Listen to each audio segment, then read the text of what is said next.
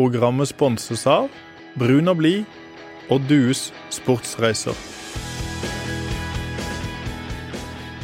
Hei og velkommen til årets eh, første utgave av Fotballradioen. Jesper, du kjører jo på i Oslo og det er B-laget, men det er jo her det virkelig gjelder. Selvfølgelig er det det, men eh, det har vært eh, sykdom og litt reising og litt logistikkproblemer både for meg og Jørgensen. Vi må jo få dette til å passe, så da vil vi ofte da ha med oss en gjest også, så ikke det bare er oss to som sitter her og prater høl i huet på hverandre. Gjerne interessant gjest også. Veldig interessant gjest, og det har vi klart å få i dag. I dag starter vi 2019 med et skikkelig smell. Vi har fått på plass sjefen over alle sjefer her nede, Kjetil Rekdal. Velkommen. Takk, takk, takk. Rett fra eh, treningsfeltet, Kjetil? Ja, det Eller kan du kalle det treningsfelt? Nei, ikke treningsfeltet, men rett fra trening iallfall. Så eh, nå kom det noen snøflukser i dag, da, så det er første gang jeg har sett snø her nede. Så jeg får håpe ikke det blir mer. Så, Men det er da i Vigørhallen? Man er, er i Vigørhallen, ja. Og det er, ja, det er et, et, godt alternativ for oss, sånn som situasjonen er med, med banesituasjonen. da. Sparebanken Sør Arena er, den er jo ikke satt på varme, og kunstgress er slitt. Og Sørlandshallen er, den er ikke bra nok til toppidrett akkurat for øyeblikket, dessverre. Og det får vi håpentligvis gjort noe med inn til neste år, da. Hva betyr det at dere må trene i Vigørhallen? Hva er positive ting? Du kan ta det først. Ja, positive er jo at vi, vi, får være inne. da. At du har liksom kontroll på temperaturen, og, det blir intimt og, og, sånne ting. Det negative er at arealstørrelsen er litt for liten da, når du tenker på det. Men nå har jo vi planlagt dette her sånn som det skulle være. at En del fysisk trening, en del testing, en del styrketrening og, og forhåpentligvis noen balløvelser imellom her. Så så langt er vi egentlig veldig fornøyde så begynner vi egentlig for fullt når vi kommer ned på, på Gran Canaria med, med, med, gode, lange fotballøkter. Og så har dere ikke trent så veldig lenge. Dere starta vel for halvannen uke ja, siden ja. cirka, og så skal dere trene en uke til, og så ja. reiser dere? Ja, vi reiser mandag, så da får vi eh, 14 gode dager med fotballtrening der nede. Det er jo ganske lang oppkjøring i Norge, så det er viktig å passe på at du ikke brenner opp kruttet for langt da, eller for tidlig. Så eh, jeg er ikke redd for det. Eh, det er viktig å bruke vinteren til eh, å bygge kapasitet. Vi har et lag som er ungt, med mange som kanskje trenger påfyll av både fysisk kraft og, og løpskraft. Og da må det trenes riktig og over lengre tid med dem. Så det kom seg i fjor utover sesongen. Det ble et mer robust startlag, det ble et mer fysisk kraftig eh, startlag, og det ble et mer løpssterkt startlag etter hvert. Men eh, vi er jo langt ifra på det nivået vi ønsker å være. Hva mangler Jesper? For at Start skal eh, bli et eliteserielag igjen, så mangler det selvfølgelig et toppnivå som eh, vi så enkelte ganger i fjor, men det ble litt for sjeldent. Og i de avgjørende kampene mot slutten så så vi jo ingenting av det. Og Da var det tydelig å se at ute på banen så mangla det en del typer, som det helt sikkert ble jobba med nå for å prøve å få inn. Så er ikke det noe akutt behov akkurat i Obos-ligaen, tror jeg. For det laget man har nå, bør være med og kjempe om å vinne Obos-ligaen. Og jeg har også sjekka oddsmarkedet, og der er jo Start naturligvis greie favoritter. Men du har Sandefjord, Ålesund, Sogndal, så det er flere lag her som er ganske bra. Så det blir ikke en lett sesong, men om Start nå får på plass én spiller eller to spillere til som kan gå inn i den garderoben og være ledere der, og også være ledere på banen, så tror jeg veldig mye kommer til å være gjort. For eh, Kjetil er såpass rutinert og flink at han kommer til å få denne her gjengen til å utvikle seg videre.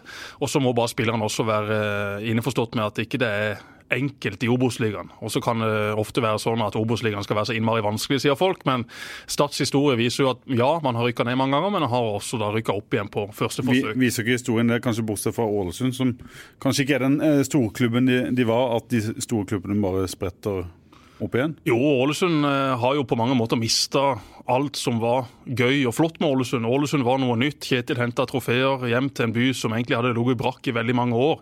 Og Der har du liksom mista nyhetens interesse. I Start i Kristiansand på Sørlandet så har du mye større fanskare, du har mye mer mennesker å ta, du har mye større sponsorer å ta. Altså Grunnlaget her nede er jo mye bedre enn det det er oppe i, med all respekt for bitte lille Ålesund. Så Derfor tror jeg at Start kommer til å slå tilbake igjen på, på første forsøk. Og så er jo kanskje noe av det viktigste for deg, Kjetil, å, å, å få spillere også som kommer fra andre land til å forstå hva som venter i Obos-ligaen. For det kan liksom ikke bare reise ned og være dandy og kul og, og skulle spille ut alle lag. Nei, det er det ikke. Det er, og, og, I mitt hue så tenker jeg jo egentlig to sesonger nå. Det første er å sørge for at vi rykker opp. Og ha et lag som er mulig å utvikle videre kontinuerlig. Eh, og da må du jo ta noen valg underveis. Og Det betyr at eh, ja, det kan være noen allerede i dag som, som får beskjed om at du er ikke i planen på lang sikt. Og Da er det bedre å finne en annen løsning. For det, Skal du bygge et lag, så må du òg gi tillit til eh, noen over lengre tid. Og Det har vi tenkt å gjøre. og Så får vi se da når vi er ferdig, ferdig med all spillelogistikk når vi kommer til rundt seriestart. Det kan jo skje ting både inn og ut her. Men du merker jo allerede nå med Joakim Jørgensen hvor stor betydning han har for den spillergruppa vår. Og hvordan han tar for seg på treningsfeltet. Han kommer fra et helt annet nivå. Og han må mange av dem som er her allerede prøve å lære mest mulig av fortest mulig. For han har eh, vært med på ei reise i Sarpsborg de siste åra som skal være mulig å kopiere her i, i start. og da Ikke at du skal komme oss ut i Europa på 1, 2, 3, men iallfall gjøre at du får et solid eliteserielag igjen, og at du har attraktive spillere som du kan på en måte kjøpe og selge litt, sånn som Sarpsborg har bygd opp. Det må være et forbilde for Start eh, de kommende åra, egentlig. Men Er det vanskelig å starte opp en treningssesong med ganske mange spillere som jeg håper å si, uvisst skal være her eller ikke? Ja, klart det er det. Eh, det, det tar jo plass. Det er klart Nå er vi 28, eller 29 i, i stallen, og det er jo iallfall seks-sju for mye. Uh, og så vil det på en måte etter det nå kanskje utkrystallisere, utkrystallisere seg nye fem-seks stykker som ikke er i nærheten av en elver. Og da begynner du å snakke om at du skal kanskje kutte ned den stallen som er der nå fra 7-28 ned i 14-15. Og så skal du bygge videre med dem eh, innover i, i 2020. Så det, har forlatt, det er noen som har forlatt oss allerede. og sannsynligvis kommer til å bli flere. Og det er klart at Jo før vi klarer å få dette på plass, jo bedre er det for, for hele gruppa å vite dette her er en gruppe vi skal ha. Og, og, og vite hvilken posisjon du kjemper, opp, kjemper om for å ta, og hvem du kjemper imot, og hva som stilles av krav for å få lov å være med i den kommende åra i tillegg. Får du være en del spillere her som ikke kan bli med til treningsleir i Spania eller ja, det blir det jo. Ja, det blir det jo. Hvor mange reiser du med? Ja, det, Vi har plass til 24. Eh, og så kommer de ikke til å ta med spillere som ikke kan trene. Eh, altså å ha eh, Vi kan gjøre det når vi drar til Marbella, kanskje. Litt annerledes da. Men når vi skaper en treukers treningsleir, så kan ikke vi bruke opp tida til fysioterapeutene våre med å, å trene opp skadde spillere som ikke kan trene fotball. Da må de bli hjemme, dessverre, på en måte. Så, sånn har jeg alltid praktisert det, og det blir, det blir den gangen her. òg. I tillegg til det så kommer det kanskje være noen som kanskje skal på prøvetrening. Eller er liksom i en, en, en, situasjon der det er snakk om kanskje å løse kontrakter, eller uh, lete etter noe annet, så Hva leter du etter? Kan du si noe, eller hva leter Start etter? Kan du si noe om altså, vi, vi, vi, leter etter uh, kanskje én rutinert spiller lenger frem i banen. Vi mista jo Sjala, som kom inn og var veldig uh, viktig for oss i høst. Nå har vi fått inn Jørgensen bak. Kanskje hadde vi klart å fått inn en med litt erfaring som kunne være en, en frontfigur på midtbanen eller i angrep da, som kunne dra de andre med seg der, så hadde vi stått veldig godt rusta. Vi har en rutinert keeper. Vi har eh, Jørgensen eh, og Damon Love og, og Robstad og Berger bak. Det er en solid gjeng. Kanskje så skjer det noe der, og du vet jo aldri. Jeg vil snakke om Acosta, vil du si noe om hans eh, Jeg ser jo et tegn og rykter i, i avisene. Det er veldig vanskelig for meg å prate om spillere som ikke er startspillere. Men at vi er på markedet og prøver å få tak i én rutinert spiller til, det, det kan jeg bekrefte. Så får vi se hvor vi finner den hen. Jesper, du må tenke på en ting. Du hadde ikke vært eh, med mye på treningsleir hvis du har Kjetil Rekdal som trener med, med, med praksisen? Såpass god for meg at jeg skulle pokker meg klart å prate meg med på disse turene. Altså, for det er jo liksom Friske to dager. Ja, jeg skulle vært med Kjetil ned der, og så kunne vi sikkert funnet på mye annet gøy utenom eh, treningstidene. Så jeg skulle nok klart å fått med meg disse turene. Det er jo faktisk, når du er spiller, også når du gikk skada eh, Jeg sier når, for jeg gikk veldig ofte skada, og ikke da. Det å da komme ned i varmen, finne et litt annet treningssenter, ned og se litt på feltet, kjøre noen øvelser og jogge. Altså, det var iallfall viktig for meg. Motivasjon. Ja, selvfølgelig. Det er jo noen ting som er ekstremt viktig her, og vi skal jo på en måte bygge, prøve å bygge en ny kultur. Det er klart det kom, det kom mange nye spillere til start i fjor. og det jeg tror det, Kanskje etter et halvt år så var det sikkert flere av dem som knapt nok hadde satt seg ned og prata med hverandre, kun sagt hei. Ja. Når du møtes til frokost eller et klepp når du skal ut og spille kamp. eller sånn. Så du, du må på en måte prøve å få ei gruppe som er homogen, og at trygghet er trygghet der, at du kjenner hverandre og stoler på hverandre. Og sånn sett så er det også viktig at du ikke drar med for mye jeg skal ikke kalle det for like lasta, for det er ikke riktig, men drar med det Rask. Tur. utfordringer, da. Ja, og som kanskje ikke skal være der. Som Kanskje ikke skal være der, og som skal ut igjen etterpå. For det er klart det setter jo seg relasjoner. Det er jo mange som er venner i ei spillergruppe. Mm. Og når det blir revet i stykker, så vil jo det på en måte få mm, innvirkninger eller påvirkninger eller ringvirkninger for en saks skyld. da. Så Det er derfor det er utrolig viktig for oss å komme ned på det tallet som skal være Start sin stall eh, i år eh, 2019. Så jeg er enig Eh, med Kjetil det han sier at ikke du skal ha med deg skada spillere på tur som aldri kan bidra på et fotballfelt. Men samtidig så, så tror jeg jo at hvis Joakim Jørgensen nå hadde fått seg en strekk i dag og vært Ja. ute i tre uker, så hadde selvfølgelig Kjetil tatt han med seg på tur. Men sånn av spillere da som er skada og kanskje ikke er blant de viktigste, og som fint kan gjøre den samme jobben hjemme, så er det mye bedre å la de gjøre den jobben hjemme. Skal jeg si noe? Jeg var jo på, eh, eh, starttrening i går og så en, en løpstest, eh, Kjetil, som, som endte litt overraskende sikkert for, for de som følger Start fra, fra utsida. Der en unggutt egentlig knuser alt og, og alle vi har sak på vei ut om, om eh, Ja. det nå. Eh, Hvordan opplever du det Mikael Ugland holder på med for, for Jeg er veldig glad for det jeg ser. Altså, jeg liker jo eh, at vi har unggutter som kommer unnfra, og så liker jeg jo at det er en lokal gutt. Og Det er derfor han er her òg. Han har fått den sjansen nå. Han var utlånt i fjor. og jeg synes at du Gjennom vinteren så blir du et likeverdig medlem av Asdalen, og det er opp til deg hvor langt opp i hierarkiet du klarer å komme. og Jo bedre du er, jo mer muligheter for spilletid er det jo. og det er klart Vi skal jo bygge et, et lag altså, vi skal jo prøve å bygge et lag for Sørlandet samtidig som det er eh, lokale gutter her. Det er utrolig viktig, men det er klart de må ha noen å lære av. Og de må vite hva som skal til. Nå visste vi jo dessverre da Lars Jørgen, vi hadde jo veldig lyst til å få han tilbake. Eller han skulle vel for så vidt komme tilbake, men nå er den saken ferdig. Eh, Å bygge eh, eh, Ja, og det kan du gjøre nå når du er i Obos-ligaen, og gi litt mer fartstid. Klart vi har Tobias, som jeg tror lærte litt, litt av den fjorårssesongen, på godt og vondt.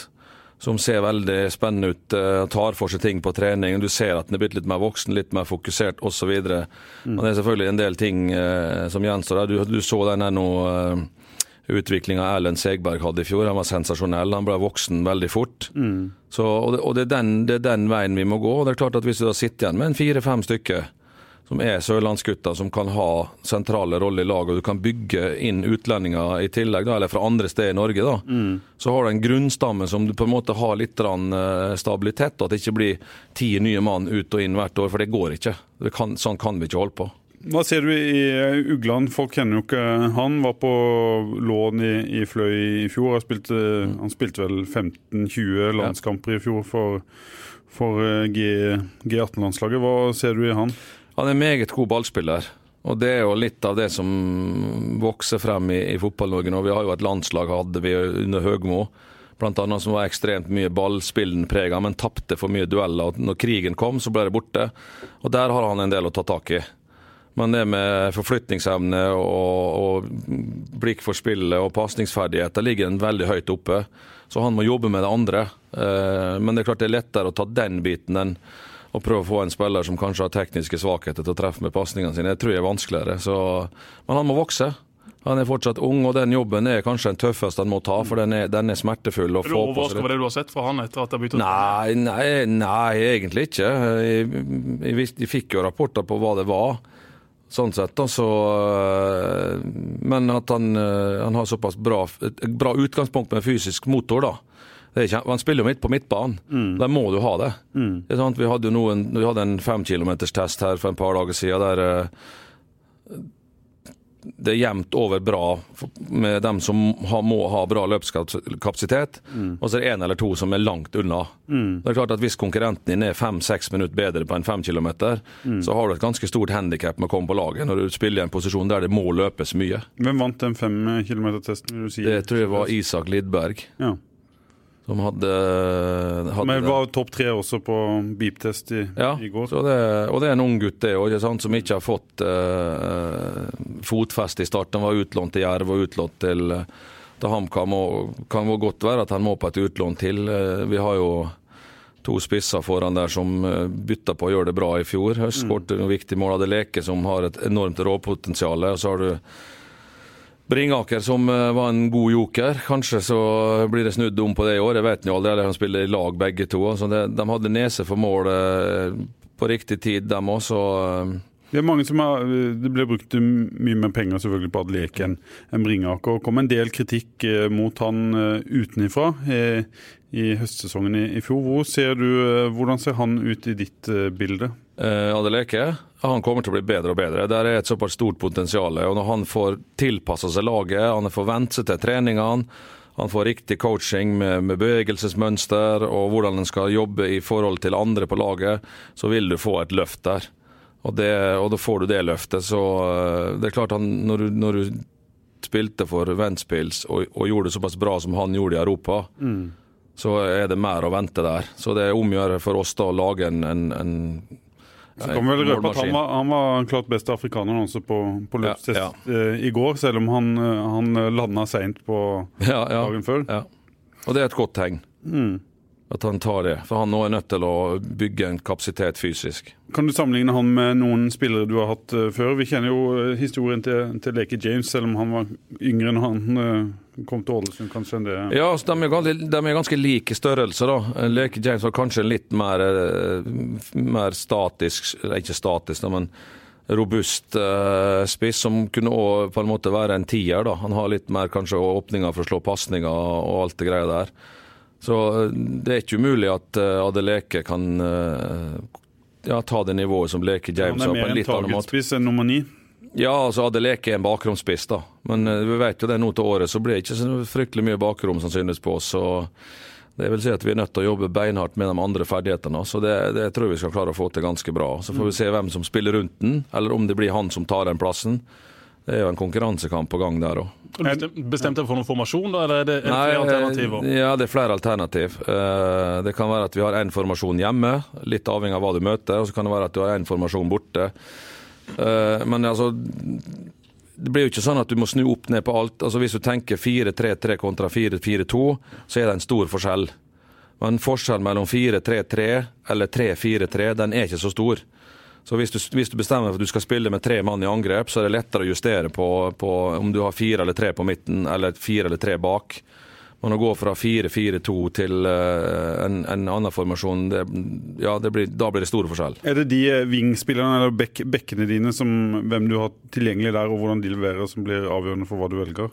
Ja, det kan det fort bli. Eh, og så selvfølgelig eh, hva skjer med Kevin Cabran? Han har ikke kommet tilbake ennå. Han mista pappaen sin og skal ha begravelse nå den 29. januar. Eh, og vi vil jo gjerne beholde han, selvfølgelig. Og han naturlig nok har signalisert at han har ambisjoner om å spille på et høyere nivå. Men det kommer jo tilbake på det som sier, at da må en klubb komme og betale det som Start vil ha. For at det skal være et tema. Eh, Og for hver dag som går, jo øker jo egentlig sjansen på at den blir her. Og det er klart å selge spillere etter 15. mars av våre beste, det kommer til å sitte fryktelig langt inne. Eller for så vidt etter 1. mars. Altså, vi må jo tross alt ha tid til å erstatte hvis vi skulle miste noen av våre beste. Det blir jo sånn Damon Love har det vært interesse på, ikke sant? det er jo ikke ukjent. Altså selge han to dager før vi skal møte Ålesund f.eks. Det vil jo være ja, nå er det på en måte kjørt ned et lag. Det er derfor jeg sier det er utrolig viktig at vi får på plass stallen og er ferdig med inn-ut så fort som overhodet mulig. Og så kan det bli sikkert begynne justeringer til sommeren for så vidt. Men stallen for vårsesongen må vi prøve å få på plass eh, så raskt som, som overhodet mulig. Når er du nede i det antallet du ønsker?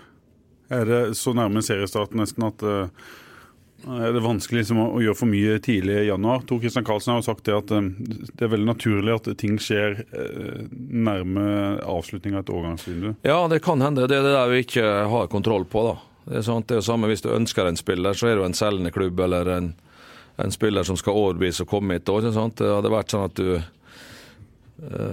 visste at det ble i orden på én dag, så hadde det jo blitt i orden på én dag. Det, det, sånne ting tar tid. Det, det, ja, det er jo et spill. Både inn og ut, så får vi se. Eh, Vi veit jo hva vi vil. Og Da handler det om bare å få kutta den tiden til å bli kortest mulig til disse tingene der blir gjort.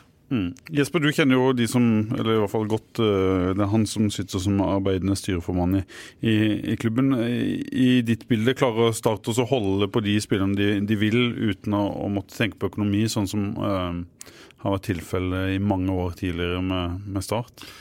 Jeg tror det er helt naturlig at man tenker litt mer på økonomi nå enn det man gjorde for et år siden. Etter et nedrykk så er det naturlig at uh, en del spillere skulle ønske at de var på et høyere nivå. Samtidig så var det disse gutta som spilte Start ned, og da har de også en oppgave å spille Start opp igjen. De har en kontrakt med klubben, og den må de overholde hvis ikke det da kommer en klubb som legger nok millioner på bordet. Så er ikke noe sånn at Start må selge spillere. Start kommer først og fremst til å ha fokus på å ha et godt nok lag til å rykke opp. Og skulle det komme bud på Kabran eller Lov eller hva det måtte være, så må det først og fremst være nok penger. Og da vil noen av disse pengene også helt sikkert bli brukt til å erstatte disse gutta. Og det som er marerittet for Kjetil og for Start, er jo å ha fire, fem, seks, syv spillere som løper rundt i startdrakt i 2019 og helst skulle vært et annet sted. Mm. Så du må ha spillere som er innforstått med hva det vil si å være startspiller. Og det syns jeg liksom var litt skuffende i, i den siste bortekampen mot Haugesund i fjor og i flere andre kamper mot slutten at det så ut til at en del av spillerne egentlig bare ga litt F.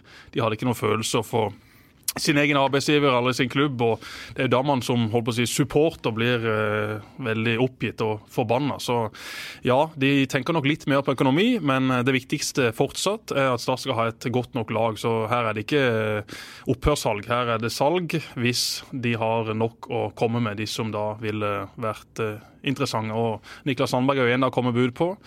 Det var ikke høyt nok til at Start godtok det, og så er han ute og sutrer i avisa, noe jeg syns er helt forkastelig. Hadde jeg vært på trening, så hadde jeg delt han i to. Men eh, vi får nå se hva som skjer med han etter hvert. Eh, igjen så må Kjetil ha spillere som vil være her. Du har ikke noe bruk for folk som egentlig skulle vært et annet sted. Men Er det vanskelig å forstå Kjetil, at noen heller vil spille eliteserie med Haugesund enn Nei, nei altså jeg har vært spiller sjøl, så jeg har ikke noe problem med å forstå det. Men det må skje på riktig måte. Det, og det, det, det, har med respekt å gjøre. Når du har skrevet under en kontrakt, så skal du respektere den. Altså Hvis du snur på det og sier at klubben betaler 10% mindre lønn enn som var avtalt, så kommer spilleren og klager. Mm. Ikke bare et, ganske raskt på lønningskontoret tror jeg å klage på at du har ikke betalt ut nok lønn. Så i utgangspunktet har ingen av de som, har lenger, eller som er i kontakt med staten, noen grunn til å klage på at de Nei, absolutt, for Start? Nei, absolutt ikke. De, eh, det er jo derfor jeg sier at hvis er, du har skrevet under en kontrakt, så må du respektere den. Så, så finnes det selvfølgelig alltid kriterier som gjør at det, den kan løses. Mm. At du blir enig om at dette funker ikke, f.eks., eller at det kommer noen og kjøper ut av kontrakt. Kjøp-salg er jo en del av fotballens business. Mm. har vært hele veien, Men du må huske på at når du skriver ned en kontrakt, så må du respektere den. Og det er klart at eh, Du blir jo bondefanga hvis du skal holde på med dette hver gang. da. Mm. Så er det sånn spill ofte mellom uh, spillere, klubb, og så involveres kanskje journalister. Hvordan opplever du det spillet, for å kalle det det? Jeg har jo vært med på det i 30 år, så jeg har ganske god oversikt over hva som foregår. Eh, og, og, vært med å spille det spillet sjøl. Er det alltid liksom klubben som eh, blir den utsatte part her, eller kan klubber også bruke media ja, til Det er jo derfor jeg sier da at det er utrolig viktig, og dette har jeg sagt nå ganske mange år om fotballen i Norge. Mm. Nå må klubbene ta makta tilbake. Vi kan ikke la oss styre av agenter eller spillere som skal hoppe dit eller dit eller dit for, for kortvinning, altså kortsiktig vinning for dem. Det går bare Du må respektere. Her har klubbene slitt med, med nedskjæringer. Du har slitt investorer som har betalt fotballens gilde i norsk fotball i lang tid. Det, det, må bli slutt på det at det kan liksom bare, du kan liksom sette kniven i brystkassa på folk. Mm. Gi meg det jeg vil, eller så går jeg gjør noe annet. Mm. Det funker ikke. Altså det, det, må, og da må men det, det handler jo om å gi eh, sånn Du har jo spillergrupper som ender opp med for stor makt, som liksom kan kaste en trener på ei uke, misfornøyd med at vi trener for lite på det og for mye på det. Du, du må få drepe sånne ting. En spiller han har en oppgave, det er å trene og sørge for at han er best mulig forberedt og prestere i kampene. Han har ikke noe med, med makt å gjøre i organisasjonen, hvordan klubben skal se ut, hvem skal trene et lag hvem som skal være øh, fysio eller sånt. De har en jobb som de konsentrerer seg om, og kun det. Men det, det, høres jo lett ut å, å si, men uh, fungerer det? Er det mulig å få til ja, i praksis? Tyskland så gjør jo det. Mm. Du ser ingen spiller som demonstrerer åpentlyst uh, om sånne ting i Tyskland. Da er det greit å si dem til meg, greit, du vet hvilke kriterier som skal til for at du skal vekk. Hvis ikke, så kan du stå bakerst i køa, eller du kan trene med reservelaget, mm. og du får ikke spille mer. Vi vet at du skal betale så alt er greit, men da, da blir du bare fjerna. Mm. De vil ikke ha sånne ting uh, i og rundt uh, laget. og der synes vi, vi, vi, og Det tror jeg er viktig for Norge. Altså, vi må ta, ta Men bruker du sånn uh, harde grep for å, å, få det som Nei, jeg prøver jo Ja, det er klart jeg forteller jo en spiller hva jeg forventer. På oppførsel og lojalitet. Og, og hvis du skal få en fair sjanse fra min side, så må du ha den og den bestemte atferden for at det skal være gjensidig. Det er klart det, Hva er det du legger mest vekt på lo, i oppførselen? Lojalitet. Ja. Men Hva sier du til Sandberg da, når han har vært ute i avisa og, og sagt det han har sagt? Ja, han vil helst spille for Haugesund? Ja, jeg, sier, ja, altså, jeg sier at hvis du skal spille for Haugesund, så vet du hva som skal til. Da må Haugesund komme med et bud som Start aksepterer. Da kan du bli Haugesund-spiller. Hvis ikke det skjer, så er det ikke snakk om jeg uansett. Samme hvor du uttalelse. Og så er det andre da at han gjengir noe av en, en samtale i offentligheten, som egentlig er en fortrolig samtale mellom en spiller og en trener. Nå var ikke alt det som sto der som var riktig, men, og, og, og, det er heller ikke bra. Du kan jo tenke hvis Ibs som, som, trener da, skal begynne å gjengi ting i media om en spiller, eventuelt når det har vært eh, diskusjon eller uh, tilbakemeldinger, eller ting en har gjort som ikke burde gjort osv., eller mine personlige synspunkt om spillere i, i media, det hadde jo blitt helt vilt. Så du må liksom på en måte holde det eh, internt. og Du kan gjerne være uenig, jeg har ikke noe problem med å diskutere til det blir grønt med enkelte.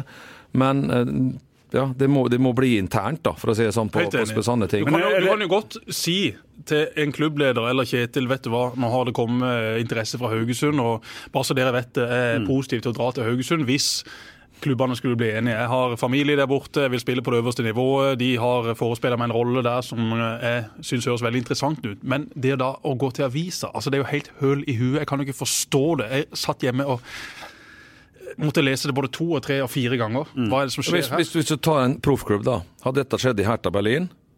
Bare for å ta på spissen, så hadde han stått bakerst i køa. Mm. Tvert. Mm. For det er, altså, det er, jo på en måte lite respekt overfor klubb, lite respekt overfor trenerne, lite respekt overfor supporterne, lite respekt overfor lagkameratene dine. Nå blir det litt mye mm. Eh, jeg har jo hatt en, altså, Men det er jo ikke noe vondt i Niklas. Nei. Det er jo viktig å påpeke det, da. Sånn han har havna på, kanskje på glattisen, sånn litt sånn ufrivillig, selvfølgelig, og litt sånn kanskje på manko på erfaring òg, da. Han gikk jo ut og sa at det var dum måte Jo, selvfølgelig. Å, å, å, naturligvis. For, ja, og det, skjønner en jo nå, nå etterpå, da, men det er klart at det blir jo ei ripe i lakken mm. på et eller annet vis, både for Start, for han, for mm. meg, for, for lagkameratene og miljøet. altså Hele pakka. Du får jo ei ripe i lakken da, som egentlig ikke skulle vært der. Mm. Og alle, som Jesper sier, det, det, alle har jo lyst til å, å, å, komme seg videre eller spille på et høyt Vi vil jo ha spillere som mm. har lyst til å komme seg videre fra start, men fordi at de er for gode til å spille for Start, at det kommer bud og blir kjøpt. Mm. Du klarer ikke å ha suksess i en fotballklubb hvis du har Og Da kan vi bruke Sarpsborg kanskje som et ja. eksempel igjen på, ja, på en klubb som har fungert, og der, ja. der spillere går videre til, til, større klubber. Ja, og Det er jo en av grunnene til at Lars Jørgen Salvesen eksempel, velger å gå til Sarpsborg når den muligheten kom. Fordi at han vet eh, de har utvikla spillere før, de har fått ut det beste av spillere. og Så skulle alle i dette rommet helst sett han i start, men mm. nå valgte han nå engang det. Og det er jo forståelig sett i lys av hva Sarpsborg faktisk har fått ut av spillere de siste årene. Mange spillere der som egentlig har vært ferdige, som de har blåst liv i igjen. Mm. Og så da fått solgt de videre og tjent gode penger på. Vi må snakke litt om Salvesen nå, Kjetil, mens vi først er i det landet mm. der det er litt eh, temperatur. og Du, du snakker om saker som, som uh, kanskje er en liten ripe i, lakken for, for, Start. Du er kanskje uenig i det når det gjelder Salvesen, hva vet vel, hva vet vel det. Men hvordan opplevde du den saken med Lars Jørgen uh, Salvesen? Det er veldig skuffende. Fordi at på en måte intensjonen og tanken og det som var gjort bak det, var for å få Lars Jørgen i kampform til ny sesong. Mm. Uh, han var skada i hele 2017 pga. korsbånd. Han spilte vel litt på våren 2018 før en ny skade tok, uh, tok han. var ute. Så kom han tilbake på sommeren, uh, greier. og Jeg prater med han flere ganger og sier at du blir jo som en ny spiller for oss. Mm. Men når du, når du, setter det, og han var jo veldig utålmodig, han vil spille mer. Så sier jeg men du må se hvem som står foran deg. Du har vært skada lenge. Du har ikke verken kraft eller pondus eller spillerfaring i årets sesong til å, å, å konkurrere ut Kevin Cabran eller Herold Inshala eller, eller Adeleke eller Bringaker eller Tobias Christiansen Christensen akkurat nå. Kanskje så gjør det i løpet av høsten. Mm. Men det kan ta litt av en tid. Og da er jo spørsmålet, hvis du vil spille kamp hver helg, så er det kun akkurat i dag tredjevisjonen vi kan tilby. Og Det var han ikke fornøyd med. Så sa han ok, men vi kan ikke leie ut noen. Og da kom den tanken rundt det med at vi skulle spille den i gang igjen til en ny sesong eh, og alt det der. og ja, Tor Kristian har vært uttalt ganske greit hva, hva Start uh, mener om det her. Mm. Uh, du kan jo godt si at han har, på papiret så har han ikke gjort noe ulovlig. Men at, for at vi var velvillige og hjalp til for at han skulle få spille fotball på høyest mulig nivå, og intensjonen var at han skulle tilbake, den brøt jo på en måte Lars Jørgen. Et, men, men, skjønte ikke dere at den, når dere ikke fikk leid han ut, og der, når det ble en permanent uh, overgang, at, mm. at, dere løp en, en risiko? Jo, men du velger å stole på folk. I Iallfall sånn. Hvis ja. jeg gir mitt ord, så står jeg for det. Uh, når han det, sier, sier, at han opplevde det på en annen måte, så Ja, men han kan jo ikke si noe annet. Nei. Han kan jo ikke si ja, men jeg brøt, jeg brøt av, altså, han kan jo ikke si at han brøt en avtale. altså Det går jo ikke. For Da innrømmer han jo det. Man har jo indirekte, eller for så vidt også direkte, gjort det. Men uh, nå er jo den saken her over. Jeg har liksom ikke så fryktelig lyst til å grave opp gjennom den. For at, vi trenger ikke det. Nei, nei men altså, han, vi, han, altså, for meg, da, at han har lyst til å spille i Sarpsborg, har jeg null problem med å forstå. Det er helt fair. Men at han havna i Sarpsborg på den måten han gjorde, det syns ikke er noe særlig. Nei. Jeg har jo skrevet Jesper, at det var en tabbe av Start å la han gå til Sarpsborg i utgangspunktet. Jeg tror de, de kunne, ja, til Kisa, at de kunne fått eh, bruk for han allerede i høst. Men det, det får vi jo selvfølgelig aldri vite, og det er en påstand som ikke kan dokumenteres. Men hva tror du om Lars Jørgen Salvesen i Sarpsborg? Han kommer til å skåre bra med mål i Sarpsborg, han. Hvis han får spille Sarpsborg spiller en fotball som vil passe han fint. Han uh, har uh, avslutningsferdigheter som er helt i toppen av eliteserien, han. Så Sarpsborg... ja, han er verken en Rashad Mohammed eller en Patrick Mortensen, de to spissene som Nei, men han er mer Mortensen enn Mohammed. Han ja. er god i, i, boksen til motstanderen og har et venstrebein som er meget, meget bra. Det har han allerede fått vist fram mot Vålerenga to, mm. var det vel, i andre omganger der hvor Sarpsborg møtte de. Så uh, Lars Jørgen tror jeg kommer til å levere i uh, Sarpsborg. Jeg skulle gjerne sett han i Start, for jeg var imponert over det han leverte uh, siste halvdel av sesongen i fjor for Ullkisa. Men dette har jeg sagt før, og jeg sier det igjen. Hvis du har sørlendinger som absolutt ikke vil spille for Start, mm. da kan det være det samme. Da får de heller reise da til Sarpsborg og tjene litt mer penger og spille på et litt høyere nivå der i én sesong. Og i 2020 så er Start tilbake i Eliteserien med et lag som kommer til å slå kraftig fra seg. Og så tror jeg nok at når Lars Jørgen ser tilbake på karrieren sin, så kan det fort være et valg han angrer litt på. For vi kan liksom ikke ha sørlendinger som sier at Start er det største på jord, og dette er det jeg drømmer om, og jeg vil gjerne blø for alt som kan blø for. Du er en av få som kan faktisk sitte og si dette. Det, det ja, altså, nå, nå var ikke jeg jakta Manchester United og Everton Liverpool. Det må vi, det må vi først få på plass. Men for meg, for, ja da, jeg kunne reist mange ganger, og jeg ble bedt om å reise også mange ganger mm. etter alle disse skadene mine. Men for meg så var det kun én ting som gjaldt, og det var å spille for Start, bli god i Start og utvikle meg i Start. Jeg elsker å spille i gult og svart, og det savner jeg jo fra flere sørlendinger. Men det får nå være de sitt valg. Hvis jeg en gang blir leder i Startklubb, mm. Eller altså i, i Start fotballklubb, da eh, kommer jeg selvfølgelig Start FK, Start FK kanskje, kanskje ny fotballklubb, kanskje vi skulle starta det. Men, men altså sørlendinger som har takka nei til Start, da er du litt svartelista. Men er det noen du vil ha hjem igjen? Er det noen sørlendinger der ute på uh, fotballhimmelen som som eh, vi gjerne skulle sett i, i startdrakt. Du har Sondre Tronstad i Haugesund, som, som jo reiste tidlig til, til Huddersfield. Du har Mathias Rasmussen, som sitter eh, og er inn og ut av et Nordsjælland-lag som er ja, Mathias Rasmussen er en spiller du gjerne skulle sett i start, men så har du Tobias Christensen, som på mange måter er litt samme spillertypen. Ok, Skal du hente da hjem Mathias Rasmussen? Det er ikke det lenger. Hva sa du? Ikke like de. Nei, men De spiller nå i litt samme posisjon. Ja. Jeg tviler på at det er plass til begge de to ja. i et Kjetil Rekdal-lag. Så det går litt på bekostning av hverandre. Nå har Start sagt at vi vil satse på Tobias. Tobias har sagt at han vil bli god i Start. Mm. Og Kjetil eh, kan nok få det beste ut av han. Eh, få vekk noen av de unotene han har, og får man enda bedre, så eh, ja, skulle alltid selvfølgelig sett de beste sørlendingene i Start, men det finnes eh, mange eksempler på sørlendinger som har fått tilbud om 10 000 20 000 kroner mer et annet sted, og heller gått dit. Og da tenker jeg, vet du hva, lykke til. Spill der, ha det fint, men da er ikke Start klubben for det. De som er i Start, Ja, Stefan Strandberg fikk nok 10 000-20 000 kroner mer. Han tjener vel 75 millioner i Russland! Og for å si det sånn, Pål Jørgensen, da hadde jeg også reist på dagen. Han har vært mye skada. Han, han, er jo i, i, gang igjen. Og, og han er i gang. Ble leid ut til en annen russisk klubb. Ja, Ural, var det det? Ja. men, men han, han, forstår jeg jo godt. Altså, Ural høres Ken Remi Stefan Strandberg er en, en, hyggelig fyr med et fet navn og ei ufattelig feit lønn. Ja. Så at han skal få lov til å kose seg i Russland nå til, det er selvsagt. Om han kommer tilbake igjen på det nivået han var på. Tvilsomt med alle de skadene han har hatt, men det er jo en veldig hyggelig kar, og en kar som har bein i nesa, som tør å si hva han vil, og som Kjetil kjenner godt til. Eh, det er jo en spiller selvfølgelig som kunne vært i Start, men han har jo en kontrakt og en kropp som kanskje ikke gjør det så veldig aktuelt akkurat nå. Slatko Tripic Du spør Kjetil, da. Har du ja. sjekka Stefan? Og... Han kjenner jo altfor godt der borte. Vi følger jo med.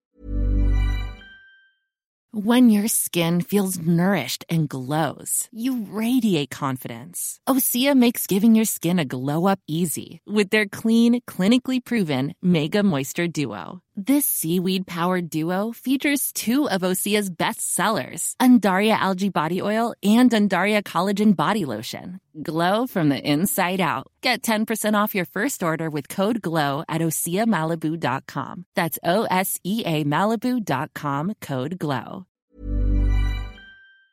Uh, selvfølgelig. Nå har jo Jeg vet ikke hvor lang kontrakten har, egentlig har igjen med Krasnodar. Vi må hilse ham, forresten. Han hører ja, ja, ja, hver episode. Det fant jeg bra. Altså, jeg bra. Han har jo starta som veldedig organisasjon med Joakim Hykkerud. To bra menn.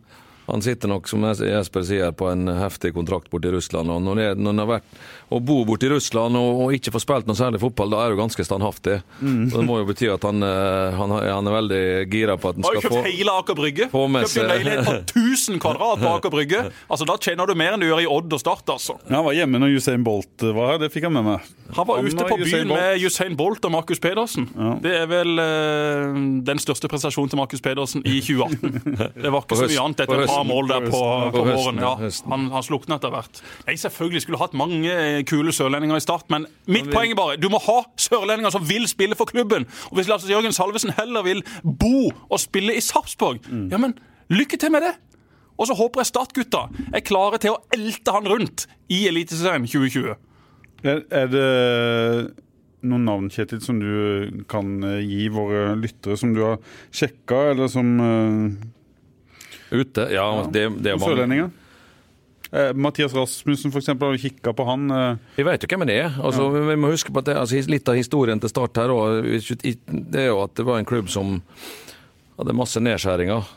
At det forsvant kanskje litt for tidlig noen spillere eh, som kanskje kunne vært det. da, Men jeg ser jo for meg et sånt som Erlend Segberg. Mm. Eh, kan bli f.eks. sånn som Espen Børufsen, en legende som er her i ti år og er mm.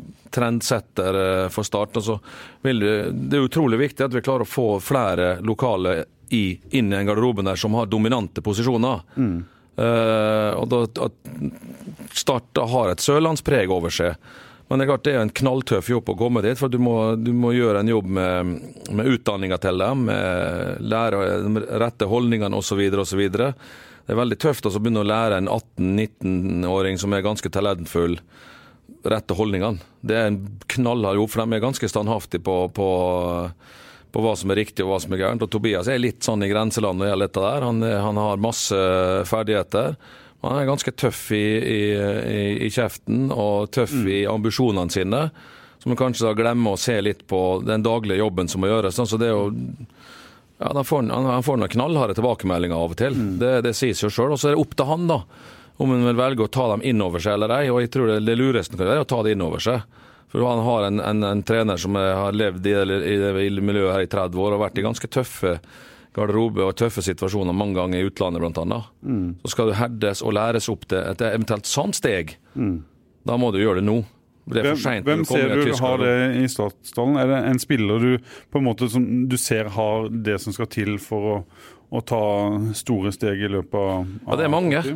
Det er mange som det... nevner f.eks. Eirik eh, Vikne. Ja, at han egentlig er ganske nærme et veldig høyt nivå. Ja, han er, han er en fysisk en enorm kapasitet. Han har en vanvittig innstilling. Han røyk ut av laget i fjor. Litt litt svak kanskje en periode. Så kom han tilbake. Jeg syns han leverte ganske bra og stabilt. Men det er mer å hente. Det er null mål der, som jeg har mast på han. Mm. Innleggskvaliteten hans må opp. Du er nødt til å ha flere assist. Men han jobber kontinuerlig med seg tinga der, og dukker opp i situasjoner som du ikke så at han gjorde for to-tre måneder tilbake i tid. Så der er en jevn og trutt eh, fremgang. og Han har, han har en enorm ambisjon. Ja, kanskje så kommer det sammen. Vi har jo et ungt lag, og vi har nok spillere. Så det handler om å få gjort de rette grepene nå gjennom vinteren og prøve å få satt dette i, i, i et skikkelig system. og klare å treffe den rette nerven hos hver og en av dem. Hvis du klarer det, da eh, får du en enorm utvikling hos Tobias. Mm. Blant annet, og kanskje med Viktene, kanskje med Erlend, kanskje med Bringaker, kanskje med Adeleke, kanskje med Aron. Nå glemmer jeg sikkert noen. Så det, vi har bra rutine bak. Men vi har et ganske lekent og ungt eh, offensivt eh, arsenal som eh, kanskje må inn i en litt, litt stabil struktur, da, slik at de ikke holder på å spille for mye for sine egne tanker. Siden du brakte navnet på banen, Aron Sigurdasson er jo en, en mann som også mange hadde forventninger til i fjor, og som fikk noen sjanser av det i starten, og så, så falt han ut av det etter hvert. Men jeg har eh, registrert at du, du eh, omtaler han i, i ganske positive Ja, altså, ja absolutt. Han, han er jo en av disse som har ambisjoner, og som uh, kommer på trening. og uh, du, Hvis du så på tredjedivisjonskampene i fjor, han bøtta inn mål. Han brukte disse kampene til å kunne vise seg fram. Men så var det noen der som syntes det var fryktelig å spille tredjedivisjonskamper. Som fikk, fikk ris eh, tilbake på tilbakemeldinga. Vi, vi dro her til Tønsberg og tapte 2-1 med åtte stykker fra Asdalen. Og så hadde vi et par eksempel til. Det er klart, det er ikke den veien å gå hvis du skal inn på laget. Men. Aron var ikke en av de? Du Nei, Aron var ikke en av de. Nei, absolutt ikke. Han, han leverte og skårte masse mål og ga bånn gass eh, hver gang. og Det, det blir du da belønna for. da. Og så er jo historien da at siste tida i Tromsø med Aron, så datt han ut av det med Vallakari. Og så kom han hit, og så var han liksom litt ut og inn med, med Dempsey. Og tenkte, så var tanken med at han var jo bra mm, på feltet og viser veld, veldig fram, så han skal få sjansen. Og så ble det akkurat litt for lite over tid. Det kom ikke noen skåringer, det kom ikke noe assist. Laget sleit, og så gjorde vi en endring på litt av formasjonen, så datt han plutselig bakom. Da, men Men ser du for deg han som en nøkkelspiller hvis, kan fort hvis han bli det. blir? Kan fort bli det. Ja. Han, han har jo det, altså, det ligger jo noe med han. Så det, og kanskje så er Obos det året han trenger for å få til Han var jo fantastisk god første tida si i Tromsø. Så øh, det er jo noe der. Altså, det, er jo, det er jo det. Så, men det blir jo litt min jobb å finne de rette grepene, så at Aron øh, får tilbake selvtilliten sin, begynner å skåre mål og alt det der. De ti første kampene etter at han kom til Norge, Jesper, så han vel ut som en, nærmest en åpenbaring, som folk tenkte at han her blir ikke lenge i, i, i Norge, og så var det stopp. Jeg syns man skulle være et kvarter i Norge før han skulle ut i en eh, større liga. Og han har jo ikke glemt dette, men som Kjetil sier, du må finne tilbake til selvtilliten. Du må finne en rolle som passer han. og Jeg så flere av disse Start 2-kampene i, i høst, og han var en av få som eh, Ja, han var ikke briljant i 90 minutter, men Han har jo ballbehandling og tempo, de tingene, Ja, altså, det går- han, altså, du så at det betydde litt for han. Du så at han var litt forbanna på å spille disse kampene, og sånn må det jo være. Og Obos-ligaen med Start nå, Start kommer til å styre de aller fleste kampene.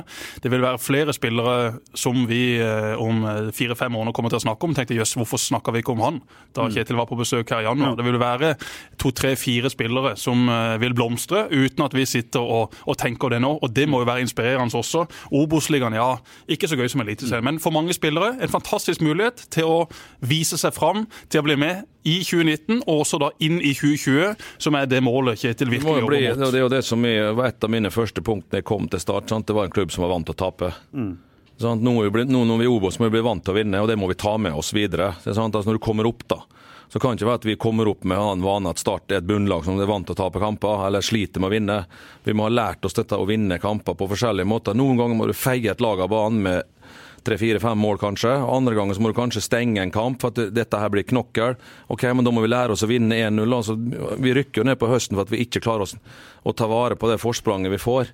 Vi, vi møter de beste lagene. Haugesund borte leder 1-0 til pause. Du har jo egentlig fått kampen litt i en hul hånd. Rosenborg på Lerkendal i en semifinale leder 1-0 til pause. Du har, fått en, du har, du har klart å satt et, et utgangspunkt, da, et svakere lag enn det du møter. Du hadde jo utgangspunktet et kontringslag også. Kanskje Ja, ja, det er akkurat det. Ja, altså Molde hjemme leder 1-0 til pause. ikke sant? Så du, har, du, du fikk et utgangspunkt til svakere lag enn topp 3-4-5, da. Likevel så leder du, og du har kommet i en god posisjon, men du klarte ikke å fullføre verket, da.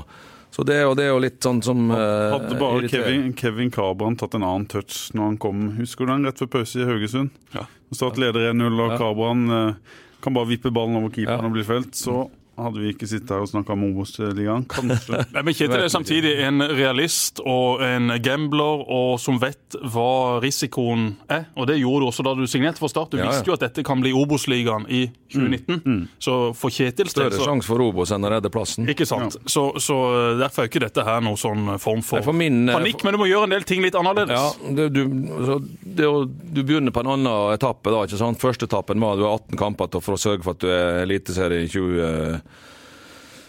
2019. Går ikke det, så har du for, okay, du får bruke 30 kamper. Men min langsiktige eh, ambisjon med Start var at du skal være et, et solid eliteserielag i 2020.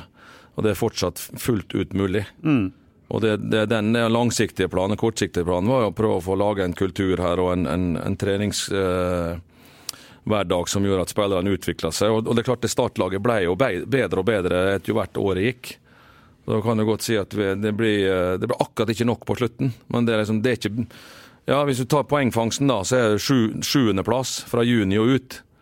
Så eh, Rekdal-tabellen. ja, ja, Solskjær-tabellen i England jo, jo. og Rekdal-tabellen i Norge. Nei, men det har jo ikke, det ikke, noe med, med, med, nødvendigvis med meg ja. Men hadde du, hadde, du, hadde du hatt det samme de første tolv kampene, så hadde det jo sett veldig bra ut. Så det er klart at vi, vi må ikke grave oss ned heller og tro at alt her er dårlig. Det er det ikke. Vi har massevis av fotballtalent og, og ferdigheter her. Og vi har nok spillere òg, for så vidt. Så det handler om å få eh, ja, få eh, få kutta ned stallen litt, så at du har mer ro. Jeg tror det har vært en fordel for spillerne at du visste litt mer hva du hadde å forholde deg til. Men nå har Morten Tandberg eh, Morten Tandberg takker for seg, reist tilbake igjen til Østlandet. Det er gjort litt, flere endringer. Mick Priest har, har takker for seg. Hva slags team kommer du til å ha rundt laget, i tillegg til deg sjøl, i 2019? Nå er jo Joey som er der, han var der i fjor òg. Han er jo litt start Ja. i kroppen. Og så har du Andreas som var scout, han var vel assistenten til Steinar en stund. Andreas Jensen, som Ja. kom fra, Ja. fra Så Jerv. at de to hjelper med nå, så får vi ta en vurdering når jeg kommer hjem fra Gran Canaria om vi har behov for en, eh, en ekstra person eller ei. Det, det viktigste er at vi har nok tid til spillerne. og så vil jo, Når jeg mister Tandberg nå, så vil det jo kreve enda litt mer av meg. for det, Ellers må jeg lære opp Joey og lære opp Andreas til å prate med samme språk og samme tunge som jeg gjør. da.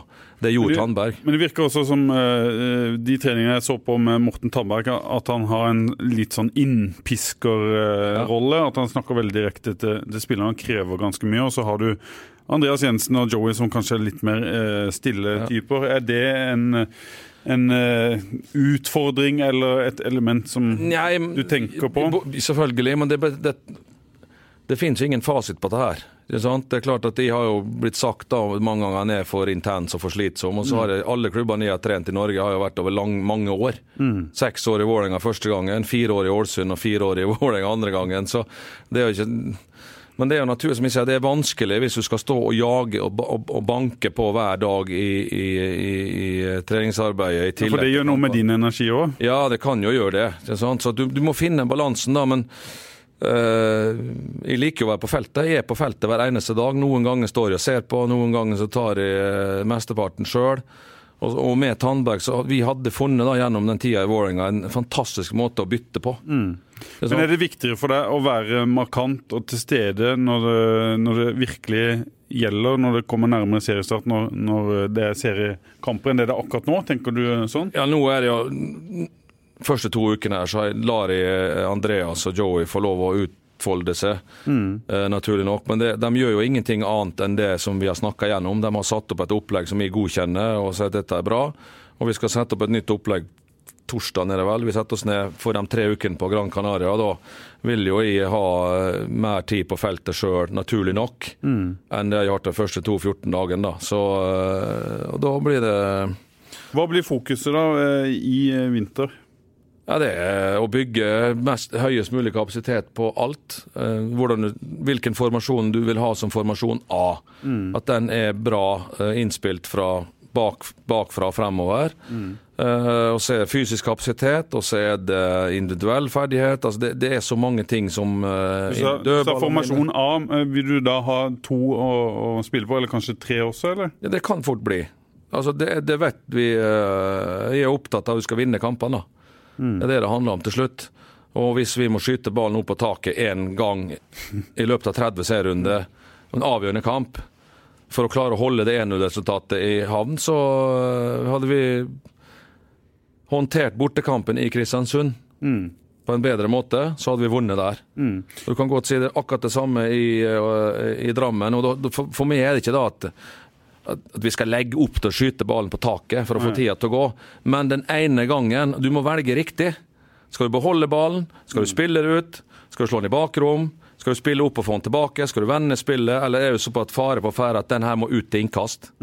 Og Disse valgene der jobber jeg med med spillerne til enhver tid. At du, at du er med i spillets gang. Og det, Men, men du har vært veldig klar på, Kjetil, det så du også i fjor, at du kan, eh, kanskje ikke hadde mye tid til å sette et spill som Nei. gjør at Start kunne dominere kamper, litt pga. kvaliteten i Eliteserien, men at det skal du få til Ja. i, Ja. i førstedivisjon. Et eh, grunnspill som gjør Ja. at dere kan dominere og styre kamper og skape nok sjanser. Jeg tror vi får, vi får initiativet automatisk, men hvis vi ser gjennom kampene, mange av kampene vi spilte i fjor, så har vi perioder der vi faktisk er dominant. Vi er I Drammen, i Kristiansund, mot Rosenborg hjemme, eh, mot Molde hjemme, eh, mot eh, Lillestrøm hjemme, mot Tromsø borte. Mot Bo I perioder? I, ja, ja, i perioder, ja. Ja. Men, men det er klart det er langt derfra til å bli et lag som er 90 minutter dominant, for da er du, på, da er du nummer én eller to eller tre i Norge. Men Men det, det skal dere være i, i førstedivisjon? ja, ja, jo, selvfølgelig. Så, selvfølgelig. Og det blir spill mot ett mål. og Du har nødt til å ha stort balltempo, få touch, du må ha stor variasjon. Noen ganger får du bakrom, da må du benytte deg av det. Noen ganger så får du mellomrom, da må du benytte deg av det. Noen ganger så må du prøve å doble på kant, da må du kjøre det. Så det dette der, altså, For meg så handler fotball om at du skal få elleve mann til å tenke likt raskest mulig. Det er klart Hvis fem mann går i angrep og fem mann går i forsvar, da har du har du en dårlig sak. Så det går på sanne ting. nå, så må du legge Men skal dere stå høyt? Skal dere ha, Ja, ja, vi- vi- vinne ballen høyt? Vi, skal, vi, må angripe for å ha panikk for å ikke vinne. Fra første spark på ballen mot Ålesund så må Start være et lag som går i angrep for å prøve å vinne kampen på egne ferdigheter. Og Så kan det jo bli noen dager der det Ja, i dag går det litt trått med oss. Da får vi kanskje være litt taktisk smarte. da, Ta med seg et poeng eller en uh, knepen seier. For at du, du får det ikke helt til å sitte, så får du liksom på en måte bremse inn litt, da. Hvis jeg sier at du ikke du har ikke eh, kanskje de verken offensivt eller på midtbanen de på en måte bikkjene, de aggressive ballvinnerne i laget ditt, hva sier du da? Du har fis. Og Jeg syns ikke Erlend er så gæren i det, men eh, det kan jo hende at de får Tobias til å bli det òg. Ugland kan bli det. eh, Aron kan bli det. Altså, vi har folk, men nå de må ta steg. Det er klart Hvis du skal spille i en posisjon der du skal få lov å være mye borti ballen, så har du òg et ansvar i gjenvinning de første fem sekundene. Du kan liksom ikke miste ballen og så bare la den gå forbi det. Eh, Men det går mer, du tenker det går mer på huet og hva du er villig til å ofre Ja, og, og, og gi Ja, en og må, eh, må en ikke Tobias bli det? Hvis Tobias skal bli så god som han vil, Ja. så kan du liksom ikke glemme den fasen av Nei, av spillet. Hvis du ser helt på korrekt. de beste gutta i den korrekt. posisjonen ute i Europa, så de er jo bikkjer i det de mister ballen. Ja, Barcelona begynte jo med dette her nå. De første fire-fem sekundene etter at de mista ballen, så var de helt sinnssyke. Um, Til og med Messi var eh, på det nivået eh, en periode. Og det er klart, det er en del av fotballen. Hvis du, når du mister ballen, så kan du liksom ikke ha fire-fem mann som ikke bryr seg om gjenvinning eller omskalting eller omskolering til det defensive i sekundene etterpå. da. For da havner du langt ned på egen halvdel. Og det vil, det vil sette sine spor. og Hvis du ønsker å spille i den posisjonen, der, så må du bidra med det. Ja. Og Det er det samme som Adeleke. Når vi angriper Adeleke, og du tar et, et løp i bakrom, så kan du ikke gå tilbake. Du kan hvile når du kommer på riktig side, for da, er du på en måte, da deltar du i, i jobben med de andre. Da kan du slappe av. Men du kan ikke gå tilbake, for da mangler vi en mann. Du må spurte tilbake, kommer i posisjon, i ramma. Da kan vi begynne med, med tingene. Da kan han hvile. Er? Så øh, ja, det, det er en del sånne ting som er ganske streit på, men det ser du. Men det er jo vanskelig allikevel. En ser jo også eh, toppklubber, f.eks. det Solskjær har gjort i, i England, der, eh, der det er spillere som ikke gjør jobben, og som f.eks. Lukaku i, Manchester United. som er, Han har jo alle forutsetninger for å løpe like mye som Rashford, eller i hvert fall være like god i presset, men som ikke er det. Nei, Derfor sitter han på benken. Ja. Ja. Du må ha spillere som kan spille den fotballen du vil. Eh, og selv om du har noen ekstreme kvaliteter, så er fotballen selv i Obos-ligaen blitt såpass tøff at eh, du har ikke liksom rom for å ha luksusspillere. Vi, vi rykker ikke opp med ni mann. Nei. Det kan du si med en gang. Hvis det er ni mann som fungerer, så kommer ikke Start til å rykke opp. For da kommer du til å gi bort poeng mot, eh, mot altfor mange lag. Så du må ha elleve mann som har samme intensjon og samme driven.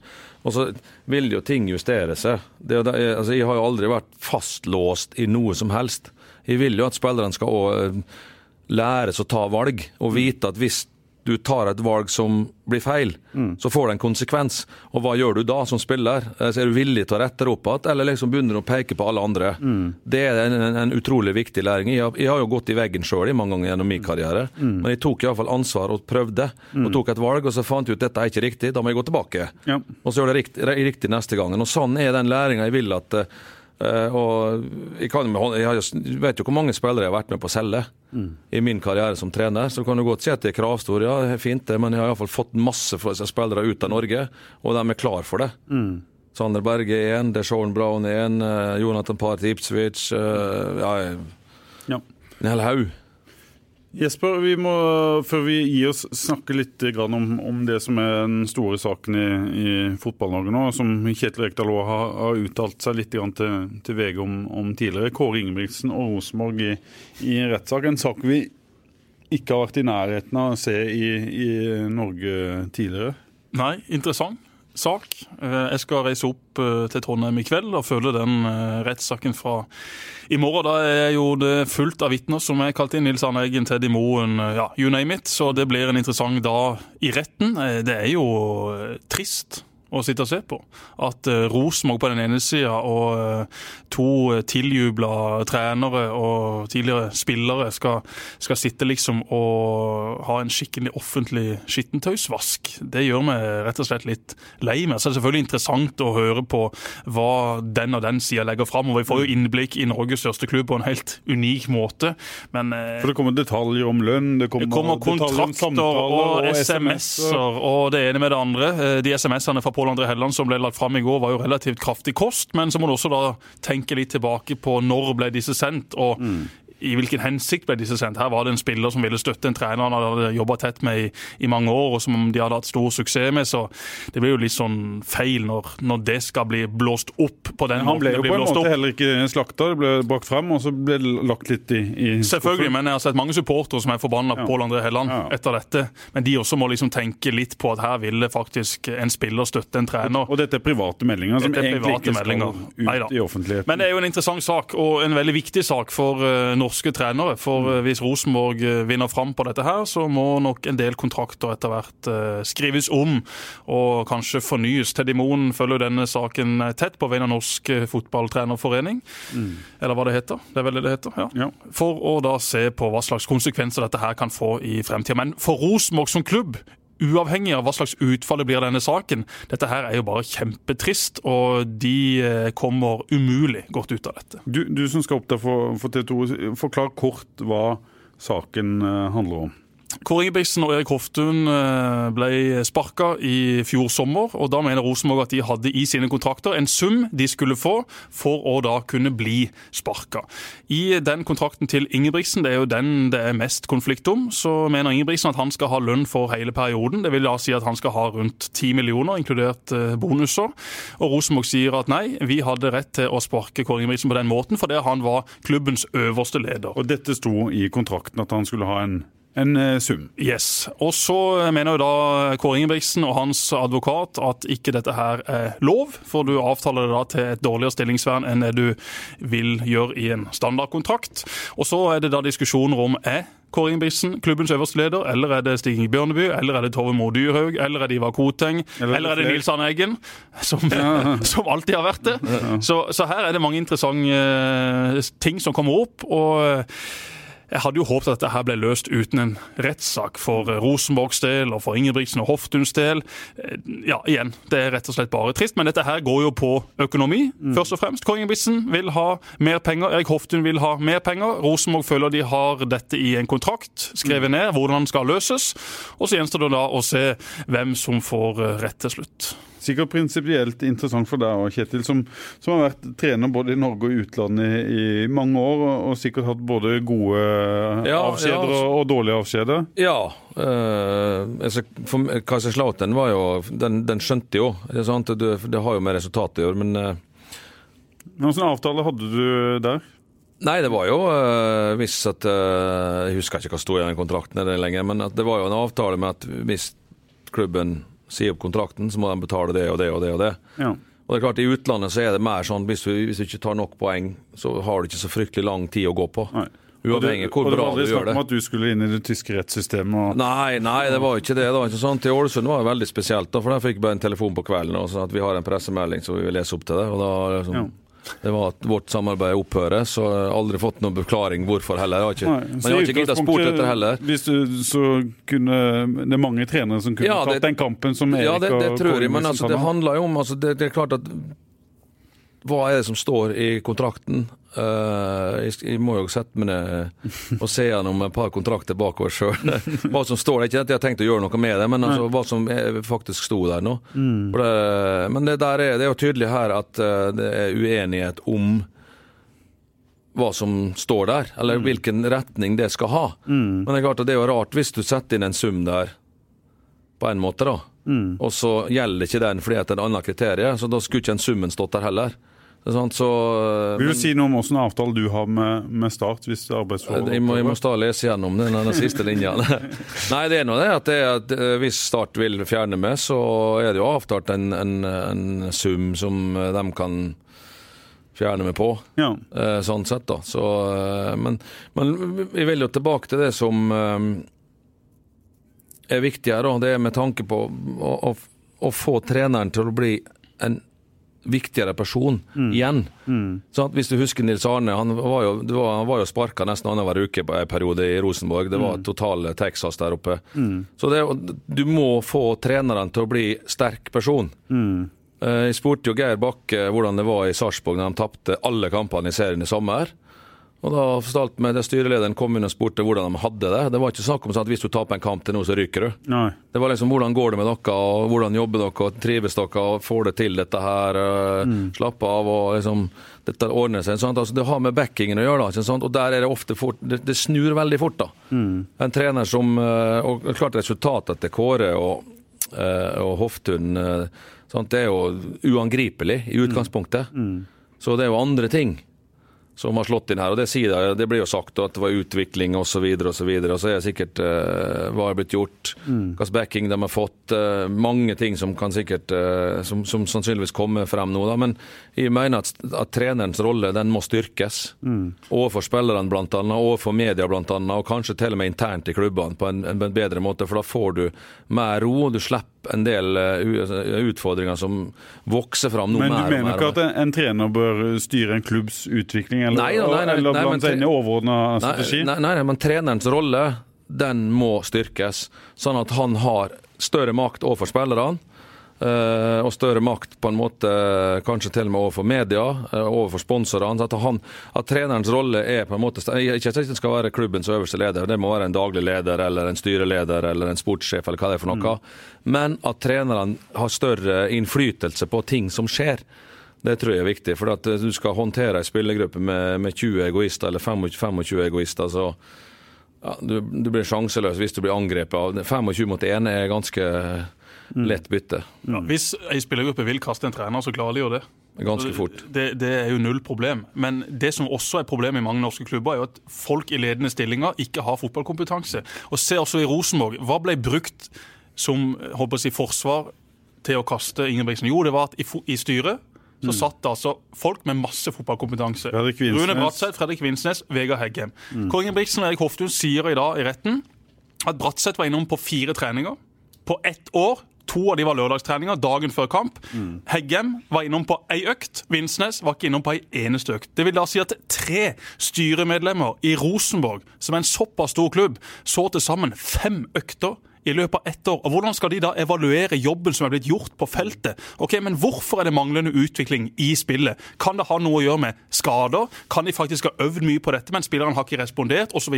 Sikkert gode grunner til å fjerne Ingebrigtsen og gjøre det på den måten de gjorde, men jeg sliter fortsatt med å se det. Det som har skjedd i etterkant, har jo vist at her skjedde dette her altfor fort. Men og de sånn, som er det jo, sånn er det jo overalt, er det ikke det? jo, jo, men det nytter ikke å ha fine navn i et styre hvis ikke det er innforstått med at de må faktisk komme seg på feltet, snakke med trenere, Sånn, spillere. Du, du må være hands on og følge med. Ja, du, du, Men det, det er faktisk en jobb.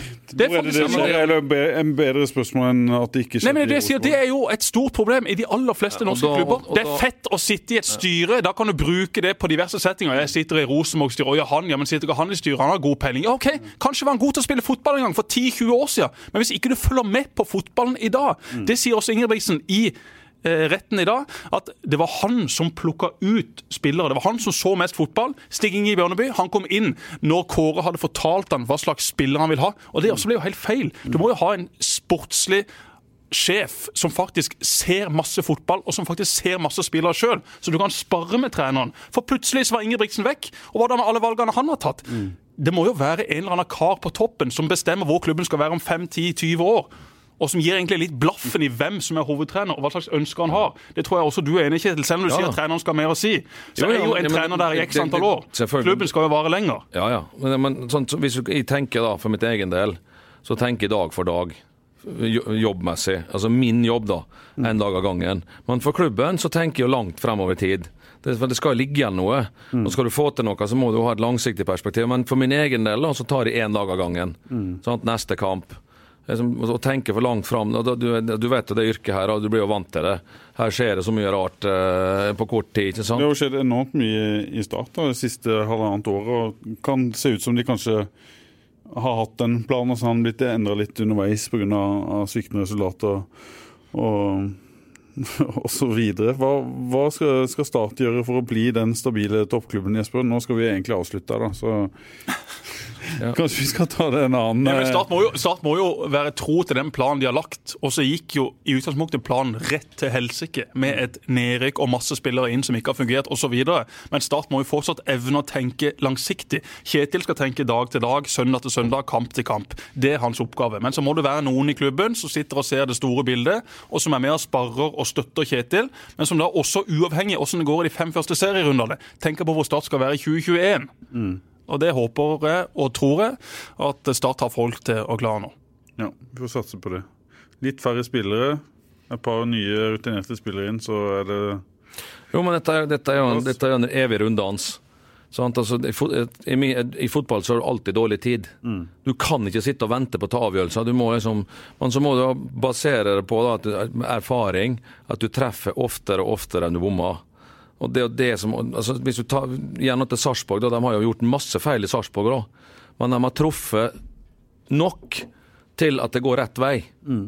Og det, er liksom, det må vi gjøre her med Start òg. Altså, vi må begynne å ta gode avgjørelser og så få det til å bli to tredjedeler riktig, iallfall. Mm. Det er klart det er ingen som gjør 100% rett, for da er du synsk. Så, og så må du ha en klar strategi og en klar plan, og så må du følge opp. da, så må du være... Men Opplever du at dere har det i Start nå? Vi jobbes jo med, ja, vi har klart å ha en plan, men det jobbes med å gjøre den enda bedre. Ikke sant? Det blir jo gjort feil underveis her. eh, Jo, jo. Jeg skal jo si at det gjorde feil i sesongen i fjor. Sant? Og så kan du si at ja, om du hadde tatt andre valg, hadde det blitt bedre. Kanskje. Kanskje, det vet du ikke, men du gjør jo feil. Og, I mitt til- tilfelle når jeg gjør feil, så prøver jeg å korrigere det altså så fort som overhodet mulig. Og Da vil det jo endre seg litt fra gang til gang, og sånn vil det være en fot- fotballklubb òg. Altså, når Sarpsborg sier da, for å ta dem gjennom, sant? om vi blir nummer åtte et år, så er det ingen problem.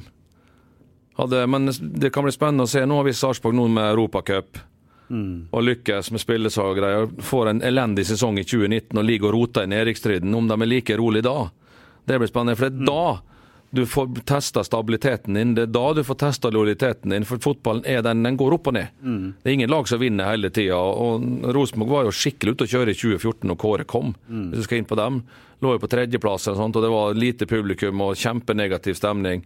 Og så har de snudd det på Lerkendal. Så jeg er helt sikker på at Start vil oppleve bedre tider, men vi må bygge fundamentet som tåler den nedturen som naturlig nok vil alltid komme i fotball. Og United sliter jo med det nå, Manchester United. Kanskje får de ikke Champions League, kanskje mister de fotfestet. Nå er Ole Gunnar i ferd med å få dem opp i, opp i det igjen, og da kan det hende de klarer å berge seg ut av det. Men det er klart det er jo ikke en selvfølge at lag over 20 år skal være nummer én eller to. Du får noen, eh, selv Bayern München har vært på nedre halvdel i Bundesligaen med Sykluser. Naturlige Syk- sykluser. Ja, natur, noen ganger så kommer det, og det der må du få kortest mulig. Rune Heggeland han er i form. Rune Hegland er i form, han blir mobba en del. Jo, han det? Han blir kalt- Hva nå blir mobba for? Nei, han har fått et nytt navn men jeg kan ikke si det her. Men du har noen sånne hakkekyllinger, Kjetil? Nei, jo, det er litt, eh, mors, skal være litt morsomt, da, men jeg, jeg Men, prøver det- men velger du da de som sender tilbake? Ja, de- ja, du må, ja du, må, du må ta og gi. Det kan Men ikke bare Rune Hegeland, Mathias Ja, Bringaker Ja, Bringaker får noen meldinger av og til, og, men det gjør Frode òg. Birkeland og Joey får det, og Andreas får det, og alle får det i utgangspunktet. I dag var det senest Henrik Ropstad som fikk seg noen, så Han kan òg melde litt tilbake. ja, men det, du, må, du kan ikke bli sur når du melder tilbake. Men, Ja, men Er ikke det en fin måte også å ta det på? Jeg vil tro at Sandberg har fått noen meldinger i det siste, og så ja, responderer han greit på det. Og så Ja. er det liksom også en måte å ufarliggjøre Ja, det det på. klart, For du, det som du sa, OK, han tråkka i salaten, ut og unnskyldte seg, og så må man jo på et eller annet Ja, han er jo, videre. er, så han er jo her ennå. Ja. De må jo øh, prøve å gjøre det beste ut av dem som er her. Alle som er her, er, er viktige, på en måte. Så det er klart at det, er jo det som jeg sier, da. Det er blitt gjort en feil, så må vi lære av det og sørge for at det ikke skjer igjen. At neste gang det kommer en lignende situasjon, så gjør vi det bedre. For det er det som driver en fotballklubb og en, øh, en spillergruppe og en, et trenerteam øh, fremover. Og det er klart, hvis du får aldri den dagen der alle er fornøyd, for det er ikke mulig i en fotballklubb. Alltid noen som er misfornøyd med et eller annet. Det, det er uunngåelig, og da skal du, skal, du skal kunne se dem i øya òg. Skal sier at det var siste ord, Jesper? Ja. så Jeg må til tannlegen. Ja, jeg må hjem til syk sønn. Ja. Ha det.